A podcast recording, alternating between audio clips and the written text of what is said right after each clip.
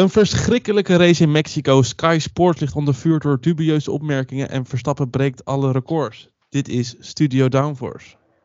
Oké, let's go. Hallo allemaal en wat leuk dat je luistert naar een nieuwe aflevering van Studio Downforce. De dertigste aflevering, een soort jubileum dit. We gaan de Grand Prix van Mexico bespreken en dat doe ik niet alleen. Dat doe ik allereerst samen met Elias. Ja, ik ben er zeker weer bij. Hallo, hallo. En ook samen met Lies. Hey Bram. Hallo. Nou, wat gaan we vandaag doen? We beginnen zo meteen met een terugblik op de Grand Prix van Mexico. Misschien wel de saaiste Grand Prix van dit jaar. En daarbij reken ik ook Monaco mee. Dan hebben we de Grindbak Talks, waar we het nodige te bespreken hebben. Met onder andere een dobbelsteen die centraal staat. Uh, en uh, we sluiten af met het geruchtcircuit, want we hebben dit weekend geen race. Elias, hier momentje. Ja, mensen vergeet ons niet te volgen op sociale media. Je kan ons volgen op LinkedIn. Uh, je kan ons volgen op Facebook. Je kan ons volgen op Twitter. Uh, we, we, moeten nog iets meer gaan uh, twitteren. Tweets komen er wel aan, denk ik. Je kan ons natuurlijk volgen op Instagram. Ja, studio.downforce. En ook op Spotify. Dan krijg je een melding van de nieuwste afleveringen. Zeker doen. Nou, laten we dan maar snel beginnen.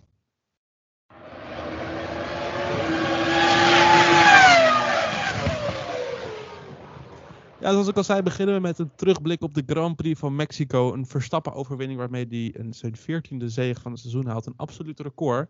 Uh, in één woord, Elias en Lies, wat vonden we van de race? In één woord? Oh, ik echt elke week stel je, me, elke week stel je me deze vraag en nooit ben ik erop voorbereid. Nee, maar ik doe het ook niet elke week. Ik doe het eens in de zoveel weken komt die vraag Oh, echt? Ja, ja, nee, ik kan, uh, laat me even nadenken. Laat Elias eerst. Slaapverwekkend. Die mag je niet meer gebruiken, Lies. Daarom wil ik als eerste. Uh, uh, Ricciardo Superpower. Zo, ik weet niet hoe jij woorden maakt. maar... Ricciardo Superpower. Met streepje ertussen zeker. Uh, Goed, uh, Bram, jouw jou, uh, jou race name woord. Teleurstellend. Oh. Ja, ik had toch meer verwacht van deze race, moet ik zeggen. Ja, eens, eens. Had al gehoopt op een safety car of zo, maar dat kan maar ook niet om het nog eventjes wat spannender te maken. Ja. Maar goed, laten we snel doorgaan naar de voorspellingen die wij gedaan hebben afgelopen weekend op studio.downforce op Instagram. Voor de kwalificatie hadden wij uh, alle drie op het anders op pole position, namelijk Leclerc, Verstappen en Perez. Nou, daar was Elias de enige met een goed antwoord. Hm. En verder hadden wij niet gedacht dat Mercedes zo goed zou doen, behalve Elias, want hij had ook helemaal goed op P3. Netjes. Toch eventjes twee goede antwoorden van Elias. Dat is toch yes. een uh, andere, Ja. andere vorm die we dan we dit, dit, uh, dit, dit seizoen gezien hebben van hem. Ja, Goed. ik, begin om, ik begon slecht, dus Ja, ja, dan, comeback. dan voor de race ehm, zie ik dat ik een hele goede voorspelling had. Buiten dat ik Perez gewoon op 3 had moeten zetten in plaats van 1. Want eh, ik had Perez op 1, Verstappen 2, Hamilton 3. En als ik Perez gewoon even naar 3 had gezet en de rest een tikje omhoog, had ik een perfecte voorspelling. Weet je dat altijd zo mooi goed te lullen, hè, jij? Tuurlijk, zeker. Ja, ik bedoel, jij, jij had Sainz op, eh Sainz op 3. Hoe is dat voor je? Hé, hey, ik, ben, ik ben constant slecht. Ja, nou, Maar je, wel had wel, constant. je had wel Verstappen op 1, dus dat is in principe had je nog iets goed. En Elias had Ja, Verstappen op 1 en Hamilton op 3, maar dat was 2.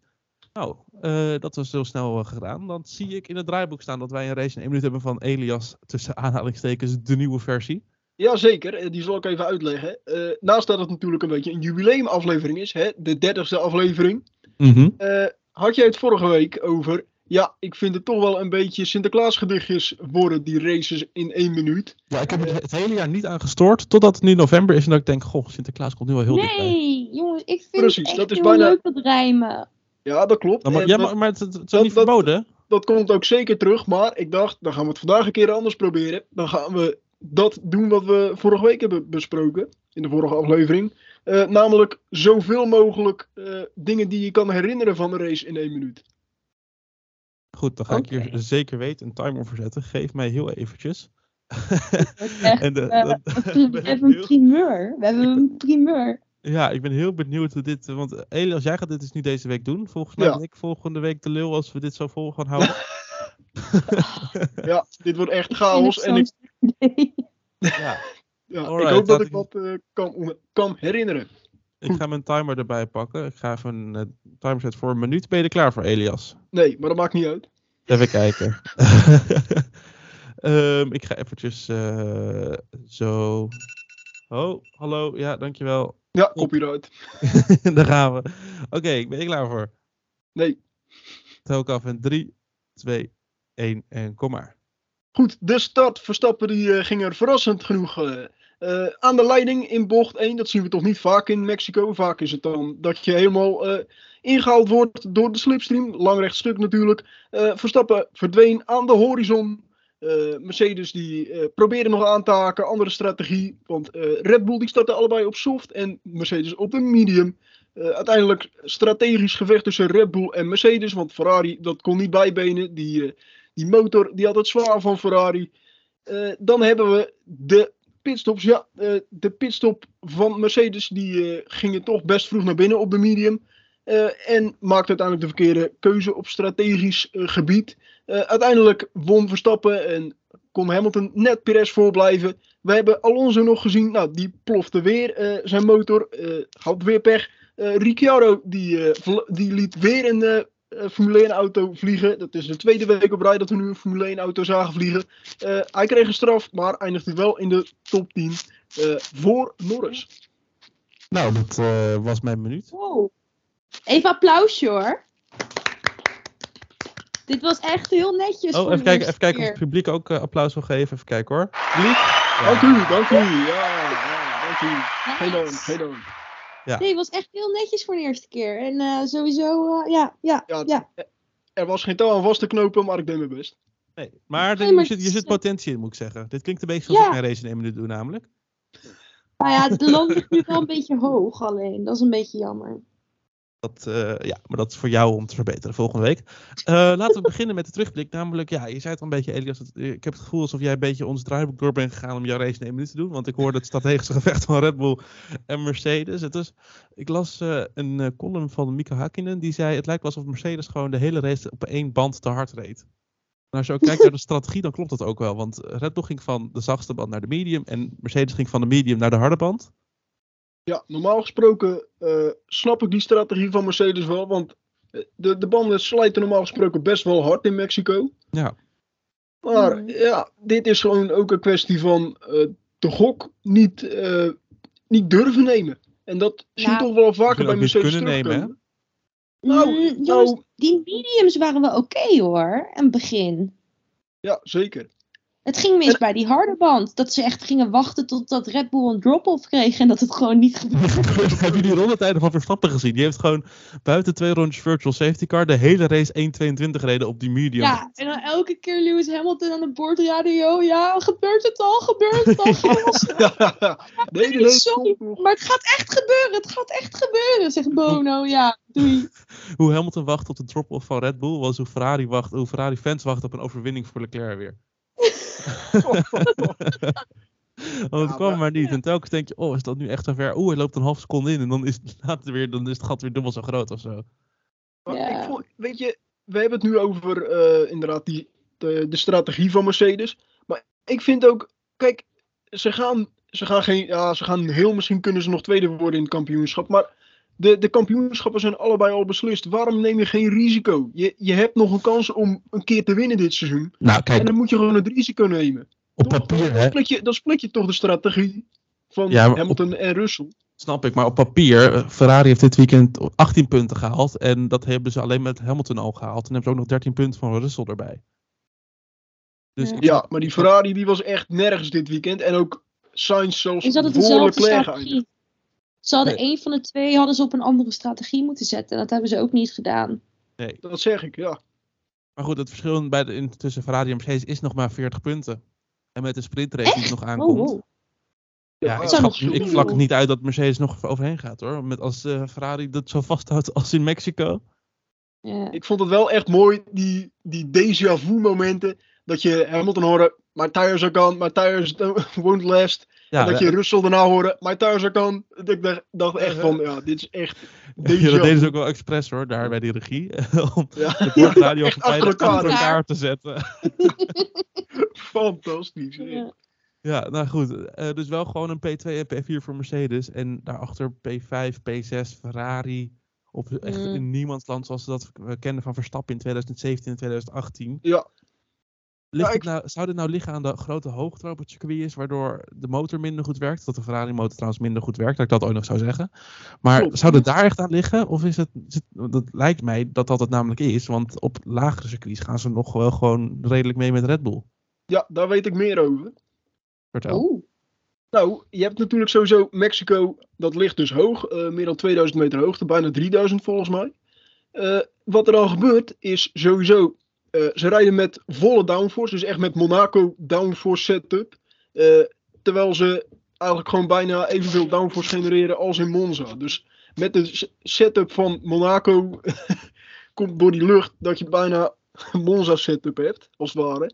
Klinkt heel eh, onlogisch, maar dat komt gewoon door die ijle lucht. Dus dat je, ja, da- dat je daarmee kan rijden. Dan is er ook nog het probleem van de motor voor Ferrari. Want hun turbo, als het ware, de inlet van de turbo, die is te klein. Dus als jij op grote hoogte komt, als het ware, jij, als jij op grote hoogte zelf wandelt, dan merk je ook dat je het lastiger krijgt met ademhalen. Dat is precies hetzelfde als met de motor. Die krijgt gewoon geen mogelijkheid om eigenlijk gewoon op adem te komen. En daardoor hebben ze hem naar beneden geschroefd, die motor. Omdat ze bang waren van, oh, straks ploft hij weer. Ze waren gewoon bang voor de onbetrouwbaarheid. Ik vond die motor ook anders klinken in Mexico. Hadden jullie dat ook Klopt. op tv? Klopt, ja. Ja. Ja. Eens. Maar ja, weet je, het was beter dan eh, wat ze bij Alpine doen. ja, ik, zat ook al na te denken, hoe gaan we het omdraaien naar Alonso? Nou, het is een perfect bruggetje. Zeker. Ja, ja. Totdat Ik je het bruggetje benoemt, dan stort- laat je hem zelf weer instorten. Ja, maar hoe, hoeveel punten zijn het nu, hè? 167 of zo? Dat ze eh, missen door motor. eh, 169 een mooi aantal. Oh, nou, dan doen we Het 169. is, maar ook, het is ook wel ongelooflijk dat Alonso zoveel pech heeft dit seizoen. En maar 11 punten achter Ocon staat of zo. Het Ja, het scheelt is... eh, echt niks. mm. ik had zo graag eh, hem op zijn best willen zien. En ik hoop echt dat hij dat volgend jaar bij Aston Martin de kans voor krijgt. Dat we Ja. gewoon even weer kunnen Dat- zien hoe hij races uitrijdt. Dat ik kan vechten om P12 met een in Aston Martin. Ehm, een coureur die dat Ja. vandaag niet deed, maar de rest van het seizoen wel doet, dat is Ricciardo.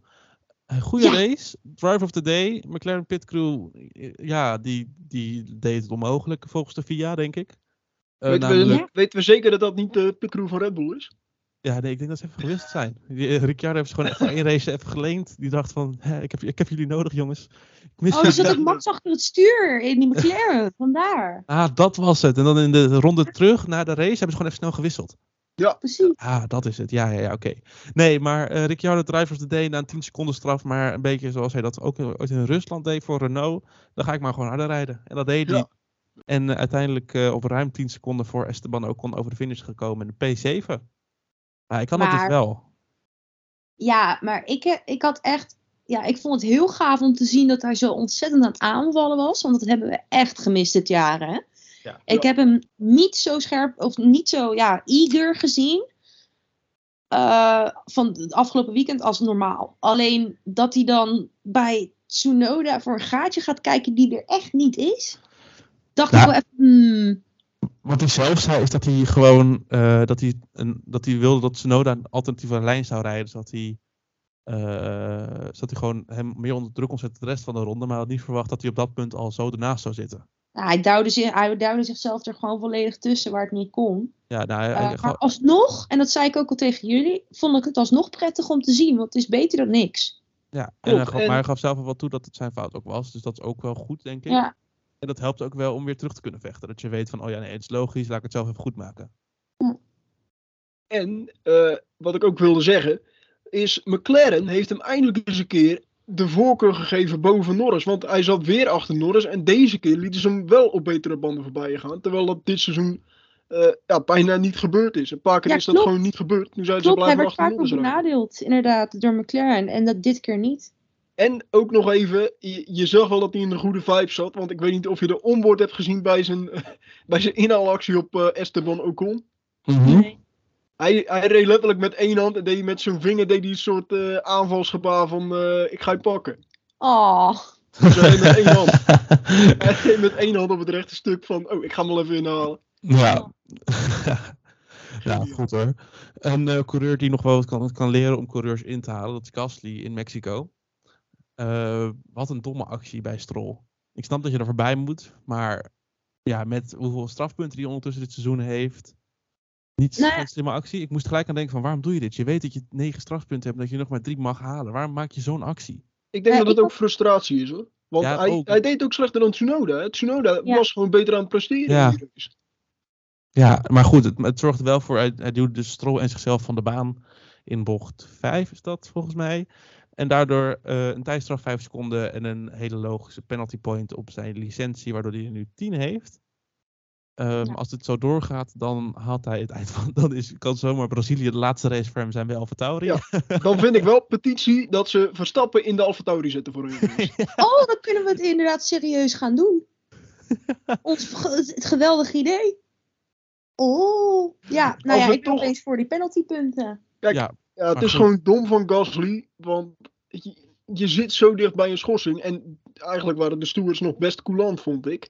Eh, maar ik wil het nog even over Verstappen hebben. Want het is wel fenomenaal. Hè? Een recordbreker dit weekend. Meeste punten en de meeste overwinningen in één seizoen.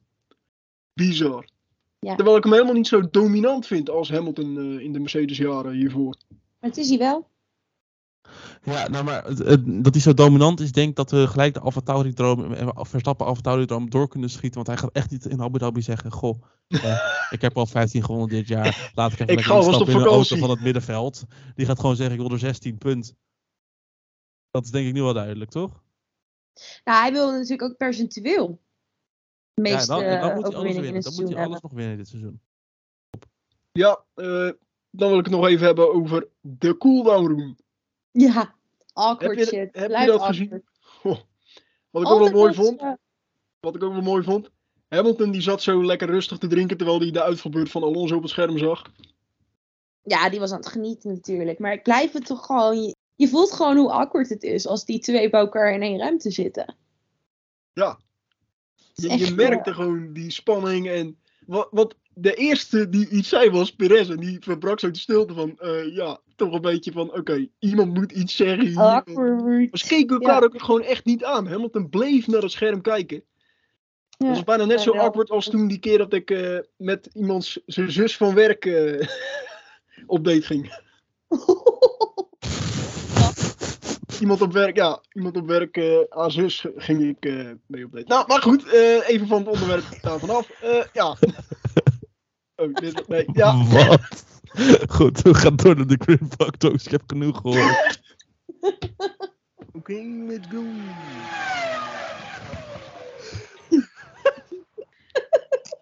Eens een keer een anekdote. Ja, dit, dit is het. Kunnen we dit niet doorsturen naar die vriend van je? Ja, je moet even luisteren op minuut 18 en een half. Moet je even luisteren naar onze podcast. Oké, Bram, ben jij eh, klaar? Of eh, moet je... Ja, ik ben klaar. Goed, oké. Zal ik hem anders overnemen? Nee, ik heb hem wel, ik heb hem ik heb hem. Oké.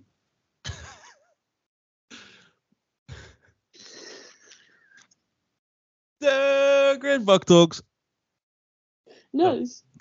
Stellingen, meningen, Lies mag wakker worden. Ik moet nog even bijkomen. Eh, de eerste stelling. De, internation- de internationale broadcast moet in handen komen van de Formule 1, niet Sky Sports. Eens. Eens. Eens. Goed, ik heb een dobbelsteen. Dat is een dobbelsteen. Ik heb zes fragmenten die deze stelling gaan ondersteunen. Welke willen ze? Ik ga de dobbelsteen rollen en dan gaan we dat fragment luisteren. Want er zijn dit weekend nogal wat dingen, of afgelopen weekend, en de afgelopen weken, de afgelopen maanden, de afgelopen Ja, jaren, wat dingen gebeurd Mhm. die eh, discutabel zijn. Dus ik ga de dobbelsteen nu rollen. hebben. Het is 6. Nou, en 6 is een mooie inleiding. Want 6 is een fragment uit 2018. Toen En Bram? Ja? Bram? Ade aan Bram. Eh, wat, wat is het nummer? nummer 6. Oké, nummer 6. Nou, laat maar horen. Ja, het is een fragment uit 2018. En je hoort David Croft en Martin Brundle naar de 50ste raceoverwinning van Vettel. Mercedes just didn't have the pace. They might put that down to the engine, be the tyres. The car didn't look like it was handling very well to me. never really looked like it was in the groove on the rails and sticking to the road. And he becomes, Martin, the 50th driver, so the fourth driver in Formula One to win 50 races, Sebastian Vettel. And for years it was never him, it was all Adrian Newey's design. Er zijn meerdere problemen die ik heb met dit fragment. Ten eerste, dit, 2018 was het tijdperk dat Mercedes echt een dominante auto had op het gebied van motor. Hè? Het eerste wat Mhm. David Croft zegt, ja, ze hebben waarschijnlijk niet gewonnen, want de motor was niet goed genoeg. Dat is al het eerste Ja. dat ik denk van, kom op. Even rationeel denken. Vervolgens, Vettel heeft 50 races gewonnen. Nou, dat hebben dus vier coureurs maar gedaan. Maar nee, dat is niet Vettels schuld. Dat is allemaal de, reden, de ding van Newey. En dat is het stigma wat zo lang al rust op de Formule 1, of in ieder geval bij Sky Sports, richting Adrian Newey. Alle coureurs die onder hem wereldtitels hebben gewonnen, komt door hem en niet door de coureur. Ja, maar dan kun je wel even doorgaan, want die man die werkt er al jaren. Die heeft bij Williams gewerkt, bij McLaren, eh, wat bij leuk. Red Bull. Dus Wat leuk dat je zegt dat ik nog even door moet gaan. Ik ga de dobbelsteen weer rollen. Want doorgaan, dat kunnen we nog wel even. Fragment 3. Ted Kravitz, de man die in deze discussie centraal staat. Dit gaat over... Afgelopen, ja. Ja, ik, ik hoef niet eens inleiding te geven. Luister, veel luisterplezier. Verstappen is around the paddock. He seems very happy with himself. Um, he doesn't seem to be a driver able to win a championship in a normal way. Ja, moet ik hier nog heel veel bij, zetten, bij zeggen? Dit zeggen, de, dit zeggen de Franse Formule 1 journalisten niet hoor. Of de Italiaanse. Nee, Goed, volgende. Ik vind wel ja, ik, weet je, ik vind het gewoon. ik vind het wel opvallend. Maar goed, eh, volgende fragment dan. Nummer 1. Dit is de, de notebook wat eh, ter discussie staat bij Ted Kravitz, maar niet uit Amerika, uit Hongarije. Dus dat is vlak voor de zomerstop Oké. geweest. But it saw a guy Mm. come from 10th on the grid, all right, with the fastest car, and that was only because they had a problem in qualifying with Max Verstappen and Red Bull, up to win the Grand Prix quite comfortably uh, in the end. Ja, het was niet Verstappen, hij had gewoon een hele snelle auto en een probleem in de kwalificatie. Hm. Ik eh, zeg maar gewoon dat hij gewoon dat de Red Bull een goede strategie had en dat de anderen het opgefukt hadden. Maar nee, het is allemaal gewoon omdat Red Bull. Het is, het is zo denigerend praat over Red Bull. Dat vond ik vervelend om te horen. Goed, ik ga de dobbelsteen nog een keer gooien. En daarna gaan we door naar de volgende. Want anders hebben we hier veel te lang over gehad. Gaan we, nee, gaan we, Zo, we, hebben nog niet eens onze mening gegeven. Nee! het is vijf en hiermee ga ik afsluiten. Dit is niet het fragment uit Amerika, omdat we die allemaal wel hebben gehoord, waar, ze, waar eh Kravitz zegt eh, het kampioenschap van Hamilton wat robbed was. En de achtste wereldtitel, oh nee, zevende wereldtitel. Nou goed, dit is een interview uit eind vorig jaar. En ik denk dat dit een beetje waar het begon is met de haat tussen Verstappen en Sky Sports, waar we het over gaan hebben zo meteen. Nou, dit is een interview tussen Kravitz en Verstappen. sorry, in Silverstone, you were angling to get Lewis some more of a penalty because he basically, in your eyes, put you off the track and into hospital. And, and they feel that you didn't get any penalty for going wide off the track and maintaining an advantage. And so they're I fishing mean, it's for a a bit of penalty. a, for well, it's a bit of a difference, right? I mean, he still won the race, whereas in Silverstone, I I was in the wall. So uh, those two are not the same. But And are you going to think about those head-to-head positions again? Are you just going to go for it, pushing, going wide, and, and that's just hard racing? I mean, uh, every track is different, right? And every overtake or defense is different. So you cannot talk about these kind of things. But you would accept it if you were in Lewis's position in somewhere like here or in Abu Dhabi or in Saudi. If he pushes goes off the track, Listen, pushes if it you would have been wide, the other way around in it. Brazil, it would have exactly played out like that. So and you would have been fine with it. yeah. Goed, dit is waar het begon met de denigerende toon naar, vanuit Sky Sports. En vooral dus Ted Kravitz en eh, David Crofty.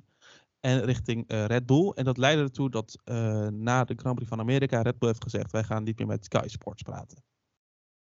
Ja. Wat vinden Nou, we ervan? Eens. Ik snap, kijk, ik snap waarom ze dit doen.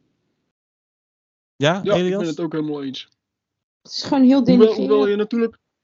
Je, je moet ook wel een beetje tegen kritiek kunnen, maar dit is gewoon te, te, te sturend ook, te beïnvloedend. Want ze beïnvloeden heel de, heel de kijk op hoe, hoe iedereen kijkt op de Formule 1, op, op deze situatie, op Red Bull, op de budgetcap. Ze proberen gewoon punten te scoren en proberen gewoon die sfeer te beïnvloeden. En dat lukt ze ook nog. Ja, ja want dus eh, waar de stelling over gaat, de internationale broadcast, eh, die is in handen van Sky Sports. Elk land wat geen eigen delegatie heeft eh, voor, om uit te zenden op de paddock, die zien Sky Sports. In Amerika bijvoorbeeld kan je Sky zien. In allemaal verschillende landen heb je de Engelse Sky Sports.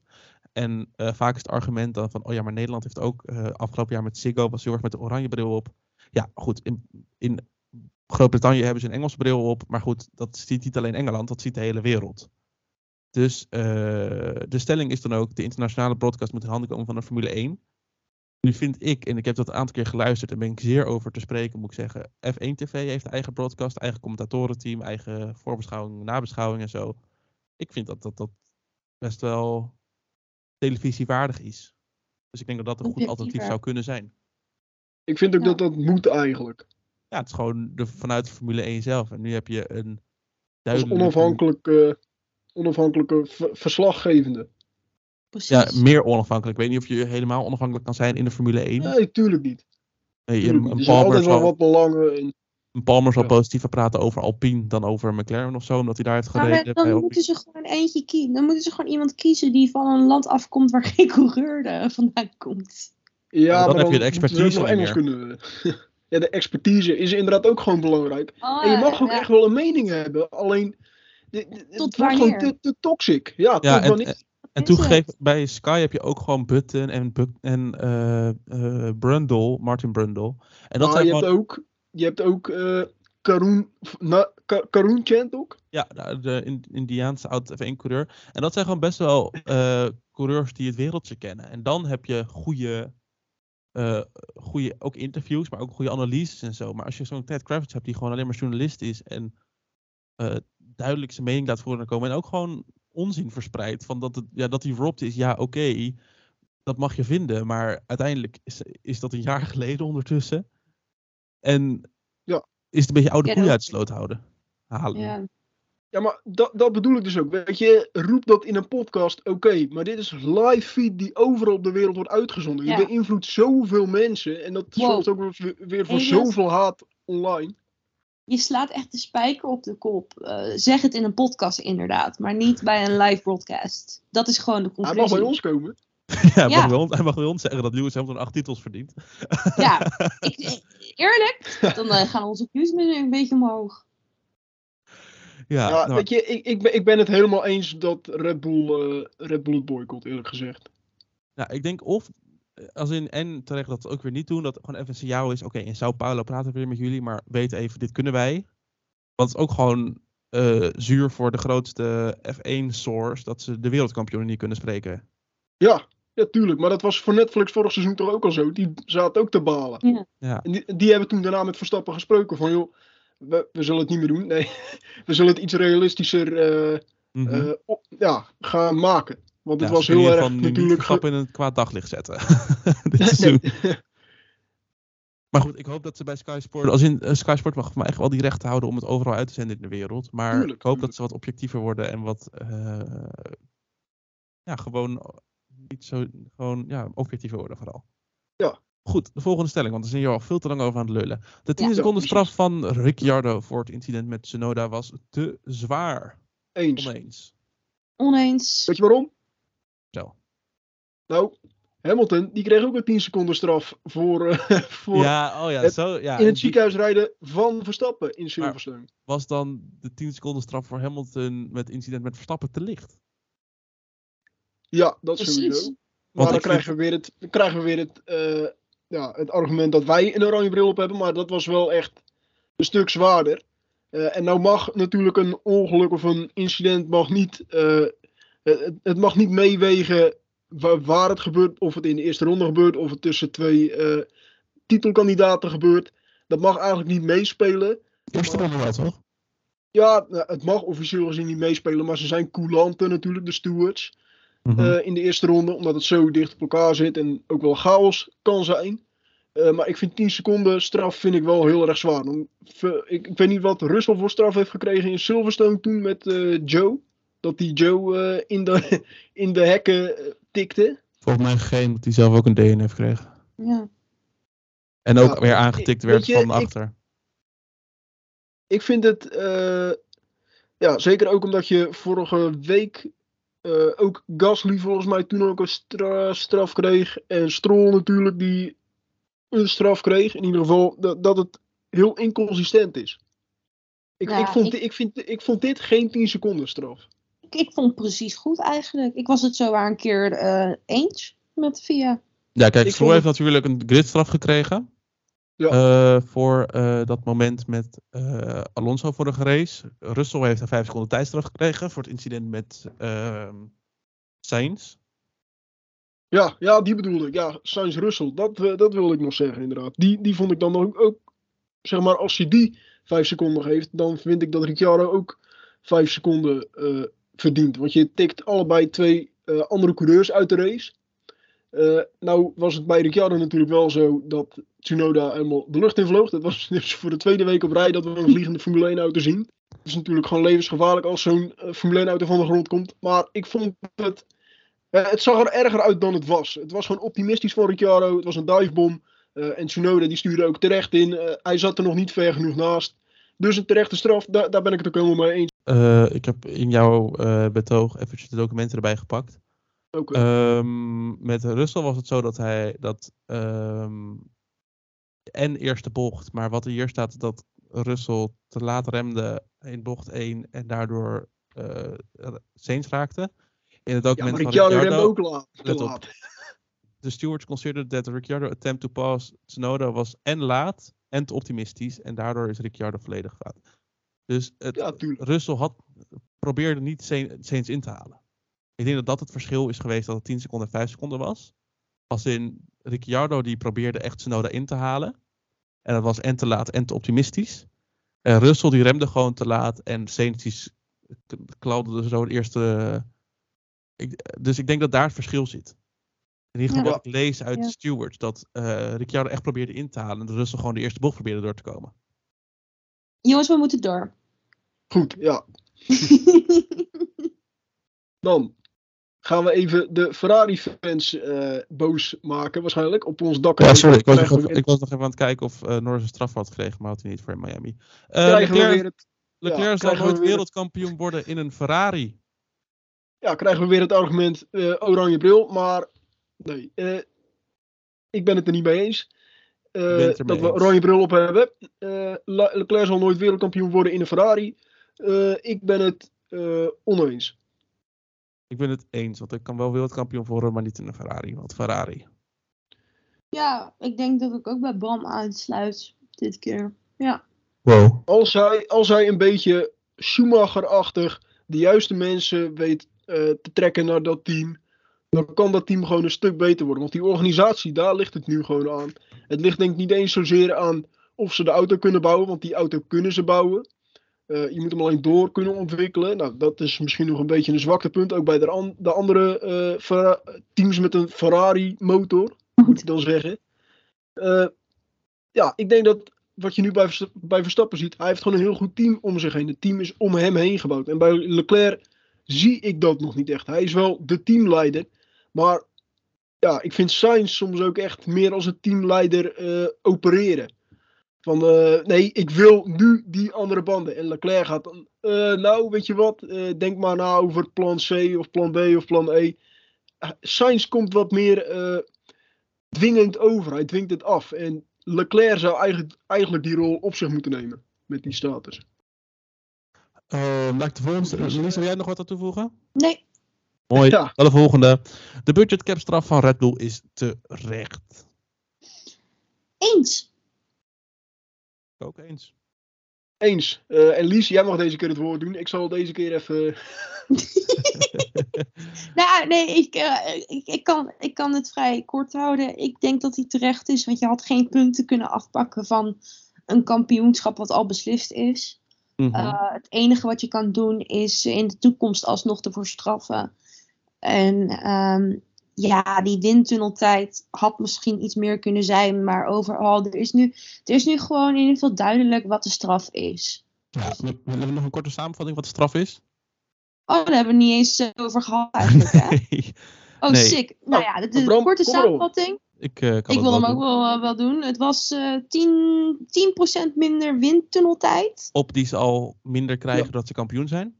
Op die ze al minder krijgen omdat ze kampioen zijn, dankjewel. En het, uh, de, uh, oeh, hoeveel miljoen was er? Zeven miljoen. 7 miljoen boete. Ja. En uh, terwijl ze maar 4 ton of zo uiteindelijk te veel hadden uitgegeven, toch? Ja, dus het is ook wel een goed signaal van de FIA, denk ik, naar uh, de teams toe van bitches, doe dit niet. Ja, misschien dat ze, ja, ze hadden die 7 miljoen van mij nog wel ervan af mogen trekken van het nieuwe budget, weet je wel? Ja, maar goed, de, budget, de budgetcap neemt volgend jaar al geven aan de andere teams. Ja, zoiets. Ja, maar ik ben het wel eens met de, met de straf, want McLaren kreeg toen in 2008 voor de Spygate dat uh, McLaren gewoon basically door een uh, Ferrari-werknemer, uh, die had bij, de, bij het kopieerapparaat had hij even alle dossiers over de Ferrari-auto neergelegd, kon McLaren die auto kopiëren en reed bijna met dezelfde auto als Ferrari in 2008. Nou, mm -hmm. McLaren werd toen uitgesloten en gedisqualificeerd van het constructeurskampioenschap, kregen die punten dan niet. Maar de coureurs mochten wel nog meevechten om de titel. Uh, en dat vond ik een goede straf, want ze kregen wel 100 miljoen euro boete. Uh, en nu vind ik dat het nogal een verschil is met uh, Red Bull, want die hebben geen auto gekopieerd of zo in die wijze. Ja. Dus ik vind dat vergrijp wat minder erg. Dus ik vind deze straf daar ook wel bij passen. Nee, want nog even goed om te vertellen dat de straf dus echt direct ingaat. Dus vanaf 26 oktober van dit jaar, toen is de straf bekendgemaakt en ging gelijk in tot en met 26 oktober van volgend jaar. Dus het heeft nog gevolgen voor dit jaar, gevolg, heel, heel veel gevolgen voor 2023. Maar dus ook best wel wat gevolgen voor 2024 ook weer. Dus, uh, nou, laten we ja. maar snel doorgaan dan naar uh, het laatste gebiedje van vandaag. Het geruchtencircuit. Oké, let's go. Nou, Lies, je krijgt twee minuten van mij. Succes. Ja, dat vind ik altijd zo mooi. Hè? Dan lopen jullie uit en dan gaat het van mijn tijd af. Ja, dames en heren, jongens en meisjes en alles erboven en eronder. Um, het geruchtencircuit. Ik weet niet of jullie een beetje het nieuws volgen, maar uh, we gaan natuurlijk over twee weken ongeveer racen in Brazilië. En daar zijn net verkiezingen geweest. En uh, dit wordt een heel saai verhaal, sorry. Um, maar uh, dictatormannetje daar aan de macht. En uh, die heeft het nu zowaar verloren van een uh, linksmannetje. En nou ja, dat is best wel een beetje gezeik. want daardoor is het best wel onrustig in het land. Dus ja, de vraag is een beetje: hoe gaat dit uitspelen? die dictator heeft zeg maar wel gezegd van joh, luister, ik leg me erbij neer. Maar het is een dictator. Dus ja, doe ermee wat je wil. Maar in ieder geval, er, zijn dus best, er is best wel onrust. Ja, het is gewoon onrustig in het land nu. Dus wil je daar gaan racen met je hele internationale uh, mikmak? Uh, ik hoop dat er uh, niks gaande is en dat het gewoon doorgaat. Want eerlijk gezegd zou ik echt best wel depressief worden als ik zou weten dat het niet door zou gaan. Maar dat ben ik persoonlijk. Um, dus ja, dat is eigenlijk wel interessant. Want uh, je moet ook wel gaan nadenken over de veiligheid van alle mensen die je naar zo'n evenement uh, toetrekt. En uh, over veiligheid gesproken. Stefano Domenicali, die is nu ook aan het praten met, ja, nou ja, verkennende gesprekken aan het voeren dan. Voor een eventuele Grand Prix in Colombia. En dan denk ik ook bij mezelf, je bent toch ook helemaal gestoord eigenlijk. Als jij, want het zou ook nog een stratencircuit zijn, hè? Als jij een stratencircuit gaat organiseren in Colombia, ja, sorry, met alle respect, maar dan wordt toch alles gejat wat los en vast zit. Die drugskartels ook dan in de stad. Ja, nou, ik, ben, ik ben er nog nooit geweest hoor. En ik zou er heel graag een keer naartoe willen naar Colombia. Maar uh, ik weet wel dat, dat mijn moeder er niet blij mee zou zijn, zeg maar. Als ik er naartoe zou gaan. Dus dat, ja, ja. Hm. Ik, uh, ik weet niet zo goed uh, wat ik ervan vind. Uh, dat is net als met die Grand Prix van Zuid-Afrika. Dan denk ik, ja, leuk jongens, maar je wil niet dat mensen vervolgens de circuit aflopen en beroofd worden. Dat ze al hun spullen moeten afgeven. Want dat, heb je in Mex dat, dat, zie je in Mexico ook gebeuren. En de kalender is natuurlijk al best wel lang. Het is al best wel volgestopt. Precies. Want uh, het contract van de Mexicaanse Grand Prix die zou, uh, die, die wordt verlengd tot 2025. En dat betekent eigenlijk dat je niet eigenlijk superveel meer over hebt. Want er zijn er een paar op de list die misschien uh, verlengd worden na 2023. dan hebben we het over Spa en de Dutch Grand Prix. Want die Dutch Grand Prix heeft een optie tot en met 2025. Uh, en je hebt Oostenrijk, waarvan de looptijd onbekend is. Nou, dit zijn alle drie best wel circuits waarvan iedereen wil dat ze blijven. Dus eh, ja, ga Vooral de Nederlandse fans. Ja, nou ja, oké, vooral de Nederlandse fans. Maar dit, dit zijn ook de circuits waar de kaartjes nog enigszins betaalbaar zijn, weet je wel.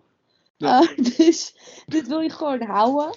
En ga je dan een van deze circuits ga je dan opofferen voor een eventuele stratenrace in Colombia? Terwijl ik bij mezelf denk, jongens, we gaan nu al die hele kalender volgooien met stratenraces. En dan gaan we sowieso weer zeiken dat er te veel stratenraces zijn. Dus, ho, rustig aan. Over straatrace gesproken, willen we nog kijken naar de. Ik had vorige week toch over de ticketprijs voor Monaco. Ja, Voor 500 dollar mag je een weekend staan en voor 2000 dollar mag je een weekend zitten. Nou ja, dit, dit is dus nog een reden waarom je Spa wil hebben. Waar ik ja dan ga ik toch heb zeker, gedaan voor 170 euro. dan zit ik toch zeker liever eh, thuis een weekend. Ja, zo, dat ook inderdaad. Eh, ik kan even heb je nadenken sowieso of je. Formule 1 kan kijken van dat geld. Je abonnement. Eh, in ieder geval, we gaan door. Heel belangrijk nieuws, jongens. Stoffen van Doornen wordt reservecoureur bij Aston Martin. En waarom word ik daar nou helemaal wild van? Is omdat het in de plaats van Hulkenberg is. Dat is niet officieel bekendgemaakt, hè? Oh, Maar wel zo dat de, de, de- de naam Hulkenberg is nul keer genoemd Ja, in het persbericht volgens- van Aston Martin. Nou ja, precies. De, de geruchten, want het is een gerucht, dus je kun je gaan, eh, dat het in, in plaats zou zijn van onze Hulkenberg. En ja, dan betekent toch wel dat Hulkenberg dan nergens anders naartoe gaat. En dan mag ik toch wel hopen dat het eh, een stoeltje in de Formule 1 is. Eh, we gaan het hopelijk heel snel, heel snel horen. Want eh, Haas heeft al aangekondigd. eh, ik geloof dat eh, onze, onze grote vriend Koen Steiner eh, in de Duitse pers heeft gezegd. Van joh, we gaan dat voor Brazilië, gaan we dat nog bekendmaken. Dus als het goed is, hoeven we niet lang meer, ja, hoe noem je dat? Eh, nagel te bijten? Of, Ja. eh, Ofwel, als de Braziliaanse Grand Prix dit jaar niet doorgaat. Ja, dan duurt, dan duurt het nog een. Dan duurt het nog wel even. Ja. Maar ze willen het voor Brazilië bekendmaken. Eh betekent dat dat Pietro Fittipaldi in de Formule 1 komt? Flikker Nou, op. nee. Echt, Nou, nee, dat jij wordt hebt juist gewoon je toestemming om Schumacher te, of je hebt juist je En toestemming om te praten in deze podcast verloren met die suggestie.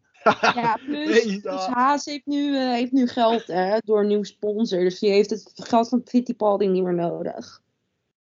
Goed, om de podcast. Ben je klaar, Lief? Eh, ja. Om de podcast af te sluiten zijn we iets heel belangrijks vergeten. Ja, ik, ik Ik hoorde onze vaste fans alweer schreeuwen. Ja, Die twee mensen en een muis. Eh, de duimtrofee. Ik vind dat jullie Ja. allebei heel origineel eh, zijn geweest, jongens. Ik zie dat jullie een bepaalde trend hebben overgenomen die ik al vast had de afgelopen paar races. Ik was eerst. ja, ik heb deze overgenomen van Elias. Ja. Namelijk de. Alpine motor van Alonso. Mhm. Ja. Eh, en inderdaad, eh, Bram die doet wekelijks zoiets eh, wat niet menselijk is. Ja. Maar Bram heeft nu daadwerkelijk, ja, Iets wat menselijk is. weet Zeker. je zeker of het menselijk is? Ja, maar ja, mijn duimtrofee die gaat naar Ted Kravitz.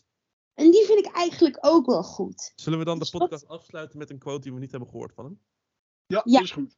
Chapter of the race director Michael Massey, who didn't interpret his own rules the way that they'd been written, and that cost Lewis Hamilton an eighth world championship. Gave it to gave it to Max Verstappen.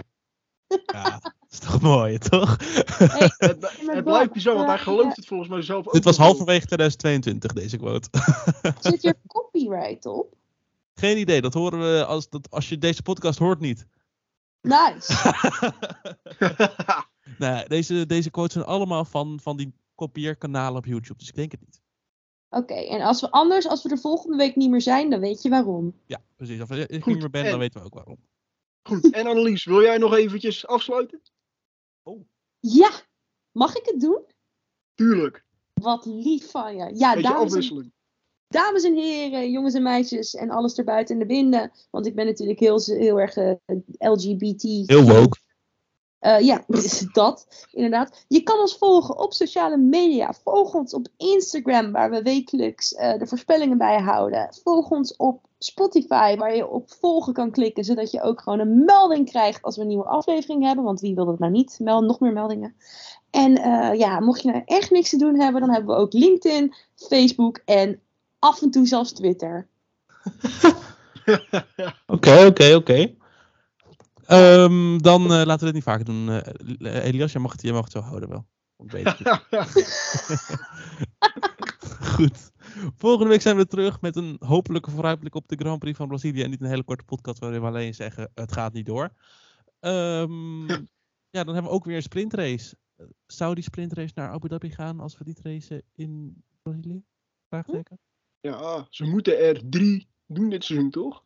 Ik weet niet of het moet is, maar als het moet is, dan zou dat naar Abu Dhabi moeten. En dan hebben we een sprintrace zoals we die hadden vorig jaar in Abu Dhabi. Chaos.